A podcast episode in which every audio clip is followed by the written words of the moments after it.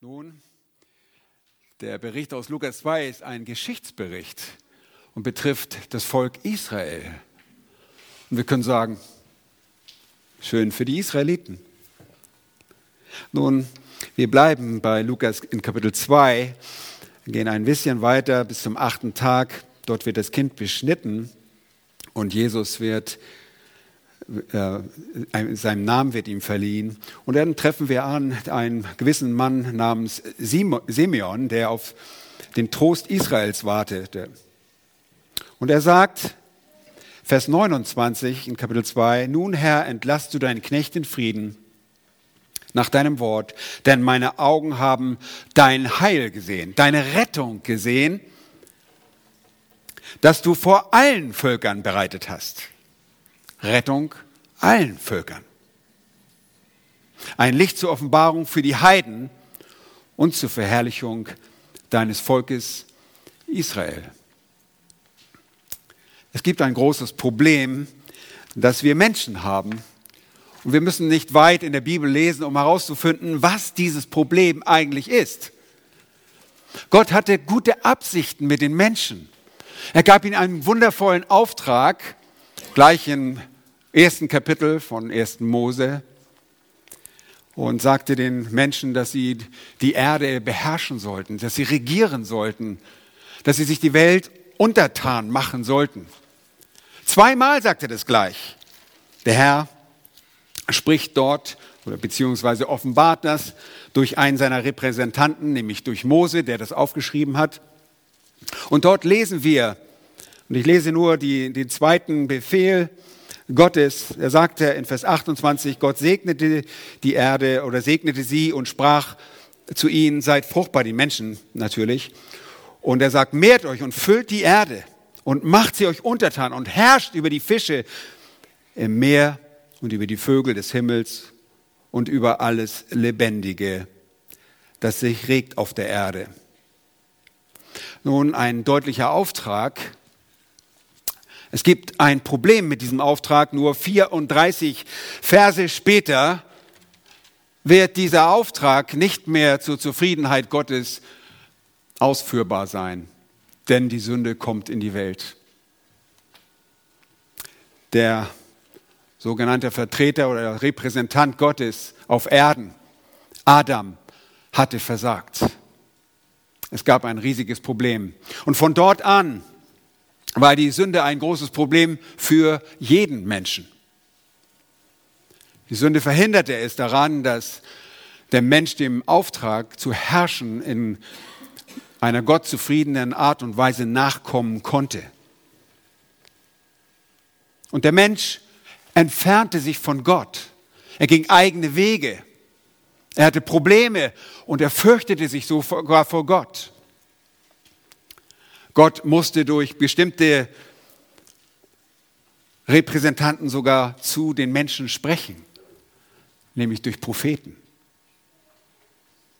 Wir sehen die Aufgabe der Propheten im Alten Testament sehr deutlich. Sie sind Sprecher, sie sind Nahebrecher, sie sind Nahebringer des Wortes Gottes, die Offenbarung, den Willen Gottes, aber sie sind auch, sie nehmen eine Mittlerfunktion ein.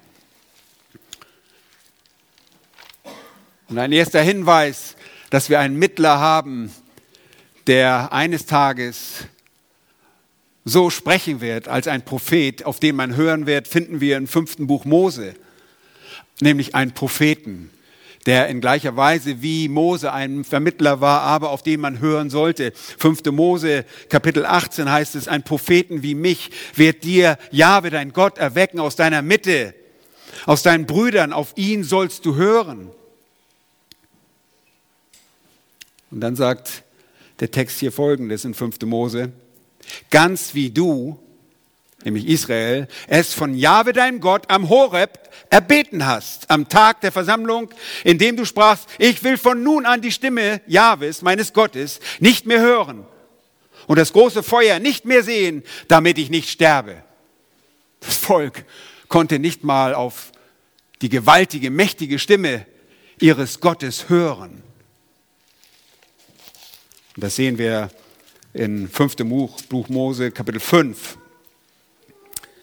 Da sagten sie in Vers 25, und nun, warum sollen wir sterben? Denn dieses große Feuer am Horeb wird uns verzehren. Und wenn wir die Stimme Jahwes, unseres Gottes, noch weiter hören, so müssen wir sterben.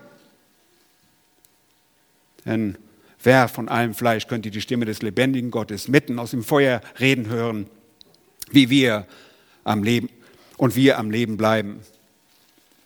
Nun, Gott hatte Repräsentanten, aber auch diese Repräsentanten, die Propheten, die das Wort Gottes sprachen, die es offenbarten, versagten.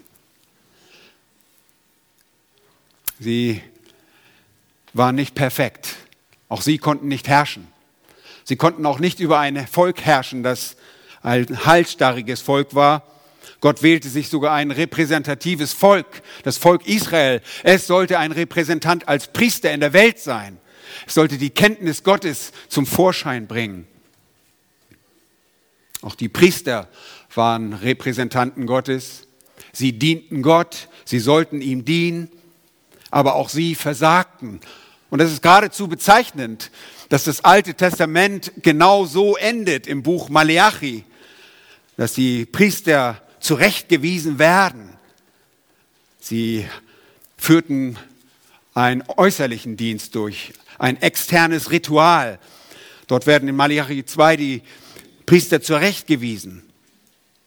Da heißt es nun, ihr Priester, dieses Gebot geht euch, wenn ihr nicht hören wollt und ihr es euch nicht zu Herzen nehmt, meinen Namen die Ehre zu geben, spricht Jahwe Zebaoth, so schleudere ich den Fluch gegen euch und verfluche eure Segenssprüche. Und die Priester hatten versagt. Von einem Priester, so sagt uns der Prophet Maleachi, konnte man erwarten, dass sie die Erkenntnis bewahren. 2 Vers 7. Die Lippen des Priesters sollen die Erkenntnis bewahren. Aus seinem Mund soll man das Gesetz erfragen. Denn er ist ein Bote des Herrn, beziehungsweise Jahwe Zebaots. Jahwe der Herrscher. Und es gab ein riesiges Problem. Sünde hatte sich überall breit gemacht. Nicht nur unter dem allgemeinen Volk, nicht nur unter den Sprechern des Volkes und den Priestern, sondern auch unter den Königen. Und ihr erinnert euch, das Volk Israel, das eigentlich eine Theokratie sein sollte, in dem Gott regieren sollte, verwirft ihren Gott und möchte einen König. Sie wollen nicht sich heiligen für ihren Gott, sich unterscheiden, sich absondern von allen anderen Nationen, sie fordern einen König. Die Geschichte der Könige ist eine tragische Geschichte. Diese Könige versagen. Und trotz allen Versagens verspricht Gott, dass er diese Könige, dass er ein Königreich dem David geben würde. Nun, ich will euch von einem Spross etwas sagen. Das ist der Name des Retters. Das ist der Name des perfekten Propheten. Das ist der Name des perfekten Priesters und das ist der Name des perfekten Königs, der herrschen wird. Der Spross ist der Retter, der in der Stadt Davids und in der Linie Davids geboren wurde. Wenn ich dazu aufschlage, das Buch 2 Samuel und zu dem Ende des Lebens von David gehe, dem König David, dem König in Israel, den zweiten König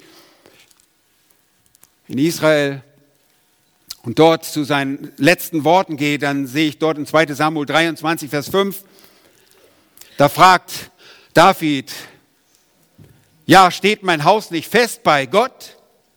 Denn er hat einen ewigen Bund mit mir gemacht. In allem wohlgeordnet und sicher. Wird er nicht alles gedeihen lassen, was mir zum Heil und zur Freude dient? Ja, das wird er. Und das ist interessant. Wird er, der, dieser Gott, der mit mir einen Bund geschlossen hat, in 2. Samuel Kapitel 7, 12 bis 16 nachzulesen. Wir können das nicht alles nachlesen, aber dort verspricht Jahwe Gott, seinem Knecht David ein ewiges Königreich. Dort verspricht er ihm, dass immer jemand auf seinem Thron sitzen würde. Und jetzt sagt er hier, David fragt, wird er nicht alles gedeihen? Und das Wort gedeihen hier ist das Verb sprießen lassen. wird er nicht alles sprießen lassen? Das ist das Verb von Spross. Nun, wir verfolgen die Königsherrschaft im Land Israels und wir sehen sehr bald eine dezimierte davidische Dynastie. Wir sehen die Könige, die ersten drei im Vereinigten Reich, sind fehlerhaft. Sie versagen, sodass sich das Königreich aufspaltet in das Nord- und Südreich. Die Könige des Nordreiches sind ausschließlich böse Könige und gehen in die assyrische Gefangenschaft. Und wir lesen vor diesem Gericht durch die Assyrer in Jesaja Kapitel 9. Und dann sehen wir in Kapitel 10, wie Gott die Assyrer richtet, Assur richtet, weil sie an Israel Gericht gehalten haben. Und es kommt zu einem wirklich trostlosen, einer finsteren, dunklen Zeit, einer trockenen Zeit. Und in dieser dunklen Zeit, in der anschließend auch das Südreich in die Gefangenschaft geht, um diese Zeit offenbart Gott dem Propheten Jeremia Folgendes. Ich schlage dazu auf Jeremia 23 und Vers 5. Siehe, es kommen Tage, spricht Jahwe, da werde ich dem David einen gerechten Spross erwecken. Der wird als König regieren und weise handeln und wird Recht und Gerechtigkeit schaffen auf Erden. In seinen Tagen wird Juda errettet werden und Israel sicher wohnen. Und das ist der Name, den man ihm geben wird. Jahwe ist unsere Gerechtigkeit. In diese dunkle Zeit hinein. Bei Jeremia steht die babylonische Gefangenschaft davor. Sehen wir ein trauriges Blick, einen äh, traurigen Ausblick. Im Alten Testament, in alttestamentlicher Literatur wird dieser Spross öfter erwähnt. Später in Jeremia 33, und ich lese euch diesen Text auch vor, es Vers 15 werden diese Worte wiederholt. Vers 14 fange ich an. Siehe, es kommen Tage, spricht Jahwe, da ich das gute Wort erfüllen werde, das ich über das Haus Israel und über das Haus Juda geredet habe. In jenen Tagen und zu jener Zeit will ich dem David einen Spross der Gerechtigkeit hervorsprießen lassen.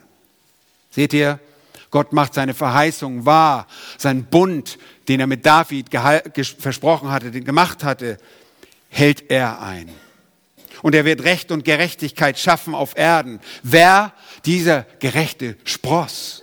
In jenen Tagen wird Juda gerettet werden und Jerusalem sicher wohnen.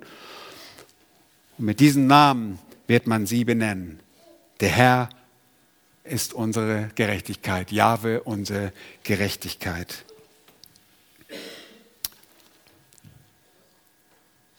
Nun im Alten Testament wird der Spross noch erwähnt in Jesaja 4, Vers 2.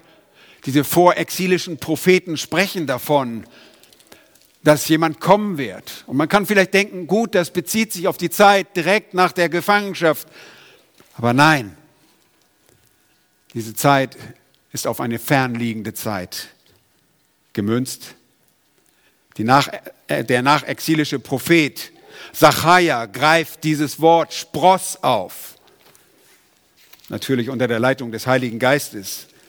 Dort lesen wir in Sacharja 3, höre du, Jeschua, du hoher Priester, der hohe Priester, der zurückgekommen war aus der babylonischen Gefangenschaft, du und deine Gefährten, die vor dir stehen, ja, ihr seid Männer, die als Zeichen dienen, denn siehe, ich lasse meinen Knecht Spross, impliziert genannt, kommen Das wurde Zachariah geoffenbart in seinem vierten Nachtgesicht. Später in Kapitel 6 lesen wir, nach den acht Nachtgesichten kommt das Wort Jahwes an mich, sagt er dort in Vers 9, folgendermaßen, nimm Gaben von denen, die gefangen, äh, die Gefangenschaft, die in Gefangenschaft gewesen sind, von Heldai, von Tobia und Jedaja. Und zwar sollst du am selben Tag kommen und dich in das Haus Josias, des Sohnes Zephanias, begeben, wohin sich auch Babel, äh, sie aus Babel gekommen sind und nimm Silber und Gold und mache eine Krone daraus und setze sie Jeschua, dem Sohn Jozadaks, dem hohen Priester, aufs Haupt. Wow. Jeder Israelit schreckt auf. Was ist los? Ein hoher Priester mit einer Krone. In Israel wurde das sehr deutlich auseinandergehalten. Das Priester, hohe priesterliche Amt und das König, die königliche Beruften wurden sehr deutlich auseinandergehalten. Wer das nicht einhielt, der musste sterben. Wir haben ein Beispiel in der Geschichte dafür. Und weiter heißt es dort, und du sollst zu ihm reden und sagen, so spricht Jahwe der Herrscher, siehe, ein Mann, dessen Name Spross ist. Denn er wird aus seinem Ort hervorsprossen und den Tempel des Jahwes bauen. Ja, er ist, der den Tempel Jahwes bauen wird. Und er wird Herrlichkeit als Schmuck tragen und auf seinem Thron sitzen und herrschen. Und er wird Priester sein auf seinem Thron. Und der Rat des Friedens wird zwischen beiden bestehen. Die Krone aber soll für Helem, Tobia und Jedadja und für Hen, den Sohn Zephanias, ein Gedenken sein im Tempel Jahwes. Lieben, dieser Akt der Krönung, des hohen Priesters war ein Gedenken, eine Vorschattung von dem, was kommen würde, mit dem, was mit dem Spross passieren würde, wenn er kommen würde. Denn er vereint das priesterliche Amt und das königliche Amt in einer Person und er ist auch gleichzeitig der Prophet, von dem Mose schon in 5. Mose Kapitel 18 gesprochen hatte. Jesus Christus erfüllt das, was alle Repräsentanten hier auf Erde nicht erfüllen konnten. Er stellt die Weltherrschaft wieder her. Er wird herrschen. Und in diesem Lichte müssen wir auch verstehen, wenn wir in der Offenbarung lesen, dass wir mit ihm herrschen werden in seinem Reich. Aber vorher muss eins geschehen. Er musste die Sünde beseitigen. Und deshalb kam er in aller Niedrigkeit als ein Spross, als ein Schössling, als ein Zweig, als ein Reis, aus einer Wurzel, aus einem Wurzelspross. Er ist die Wurzel Isais. Er ist die Wurzel Davids. Er musste kommen in aller Niedrigkeit. Und am Sonntag habe ich davon gesprochen, dass der Messias kam. Jesaja 53 spricht davon, dass er sich selbst entschied, in aller Demut zu kommen. Menschwerdung, in Fleisch, in das Fleisch zu kommen, bedeutete nichts anderes, dass der ewige Gott, die zweite Person der Dreieinigkeit, er machte sich selbst zu jemand ohne Ansehen. Auf dem Weg zur Gemeinde hörten wir das große Halleluja von Händel. Und der Text heißt, er war verachtet. Das ist Jesaja, Kapitel 53. Da heißt es, Vers 3, verachtet war und verlassen. Warum? Er hatte keine Gestalt, Vers 2, und keine Pracht. Er wählte als Mensch zu kommen, aller Niedrigkeit.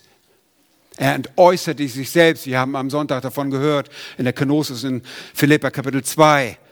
Er wählte es selbst und machte sich selbst zu jemand ohne Ansehen. Er wurde Mensch und hörte nie auf, Gott zu sein. Und er tat dies, um als ein perfekter Mensch und ein heiliger Mensch im vollkommen Gehorsam, den er lernte, zu leben, damit er uns ein Priester werden konnte, ein hoher Priester sogar werden konnte, wie es Hebräer Kapitel 5 uns sagt. Der hohe Priester, der die Menschen vertritt, der im Alten Testament in das Heiligtum einmal im Jahr eintrat, um für die Sünden des Volkes Sühne zu erwirken. Herr Jesus Christus ist unser treuer hoher Priester geworden. Und er ist der König. Der Spross ist der König. Jesaja beginnt in Vers 1 und Kapitel 53. Wer hat unserer Verkündigung geglaubt? Und der Arm Jahwes, wem ist er offenbart worden? Er wuchs auf vor ihm. Er, der Spross, wuchs auf vor dem Vater, vor Jahwe, wie ein Schößling. Nun, es ist ein Trieb einer Pflanze, ein Schößling, ähnlich wie ein Spross.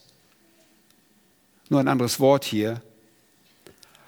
Ein Schössling, nicht hier ist Schößling noch, aber es wird heute Schössling geschrieben wie ein Wurzelspross aus dürrem Erdreich. Nun, dieses dürre Erdreich war dieses harte Volk, das dem Volk, das dem Herrn den Rücken zugekehrt hatte.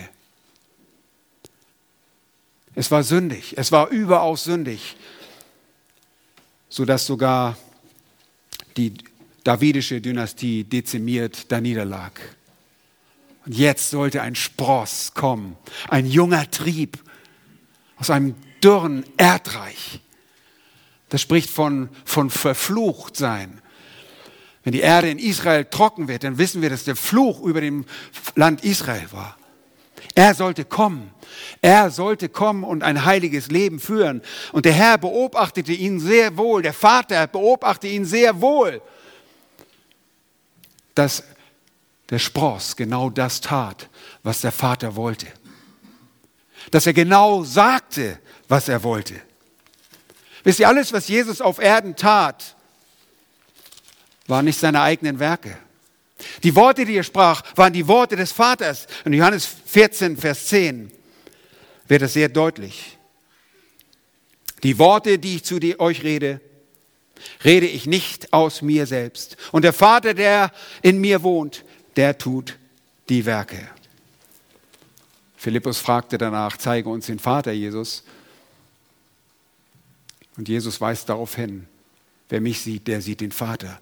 Aber Jesus war absolut gehorsam. Er erfüllte jedes Gesetz, jedes Gebot, alles, was Gott selbst verlangte. Er wurde dem Maßstab Gottes, seinem eigenen Maßstab gerecht im Fleisch und konnte deshalb die Sünde auf sich nehmen, weil Gottes Gerechtigkeit fordert für die Sünde den Tod.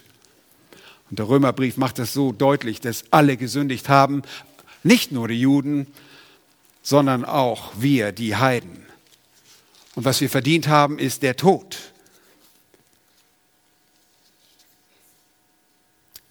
Gott offenbarte eine Gerechtigkeit außerhalb des Gesetzes. Kein Mensch kann dem Gesetz gerecht werden. Wenn ich euch frage, seid ihr sündig? Dann sagt ihr vielleicht nein. Ich habe keine, keine Straßenregeln äh, übertreten. Ich habe kein süßes Stück Torte gegessen. Ich habe nicht gesündigt. Nein, am Gesetz gemessen sind wir alle schuldig. Jeder einzelne von uns. Und deshalb brauchte es eine Gerechtigkeit. Der Spross brachte eine Gerechtigkeit außerhalb des Gesetzes. Und sie wurde offenbar, nämlich die Gerechtigkeit Gottes. Haben wir gehört? Wie wurde dieser Spross genannt? Wie werden wir genannt? Wie wird es bezeichnet? Jahwe, unsere Gerechtigkeit. Und das ist konform mit dem, was das Neue Testament geht. Stimmt es Übereinstimmung mit dem, was, was Paulus im ersten Korintherbrief uns sagt. Er ist unsere Gerechtigkeit. Aber diese Gerechtigkeit hat dieser Spross in einem perfekten Leben auf dieser Erde für uns erwirkt. Und so konnte er die Strafe auf sich nehmen. Denn wir alle haben gesündigt, wir verfehlen die Herrlichkeit, die wir vor Gott haben sollten.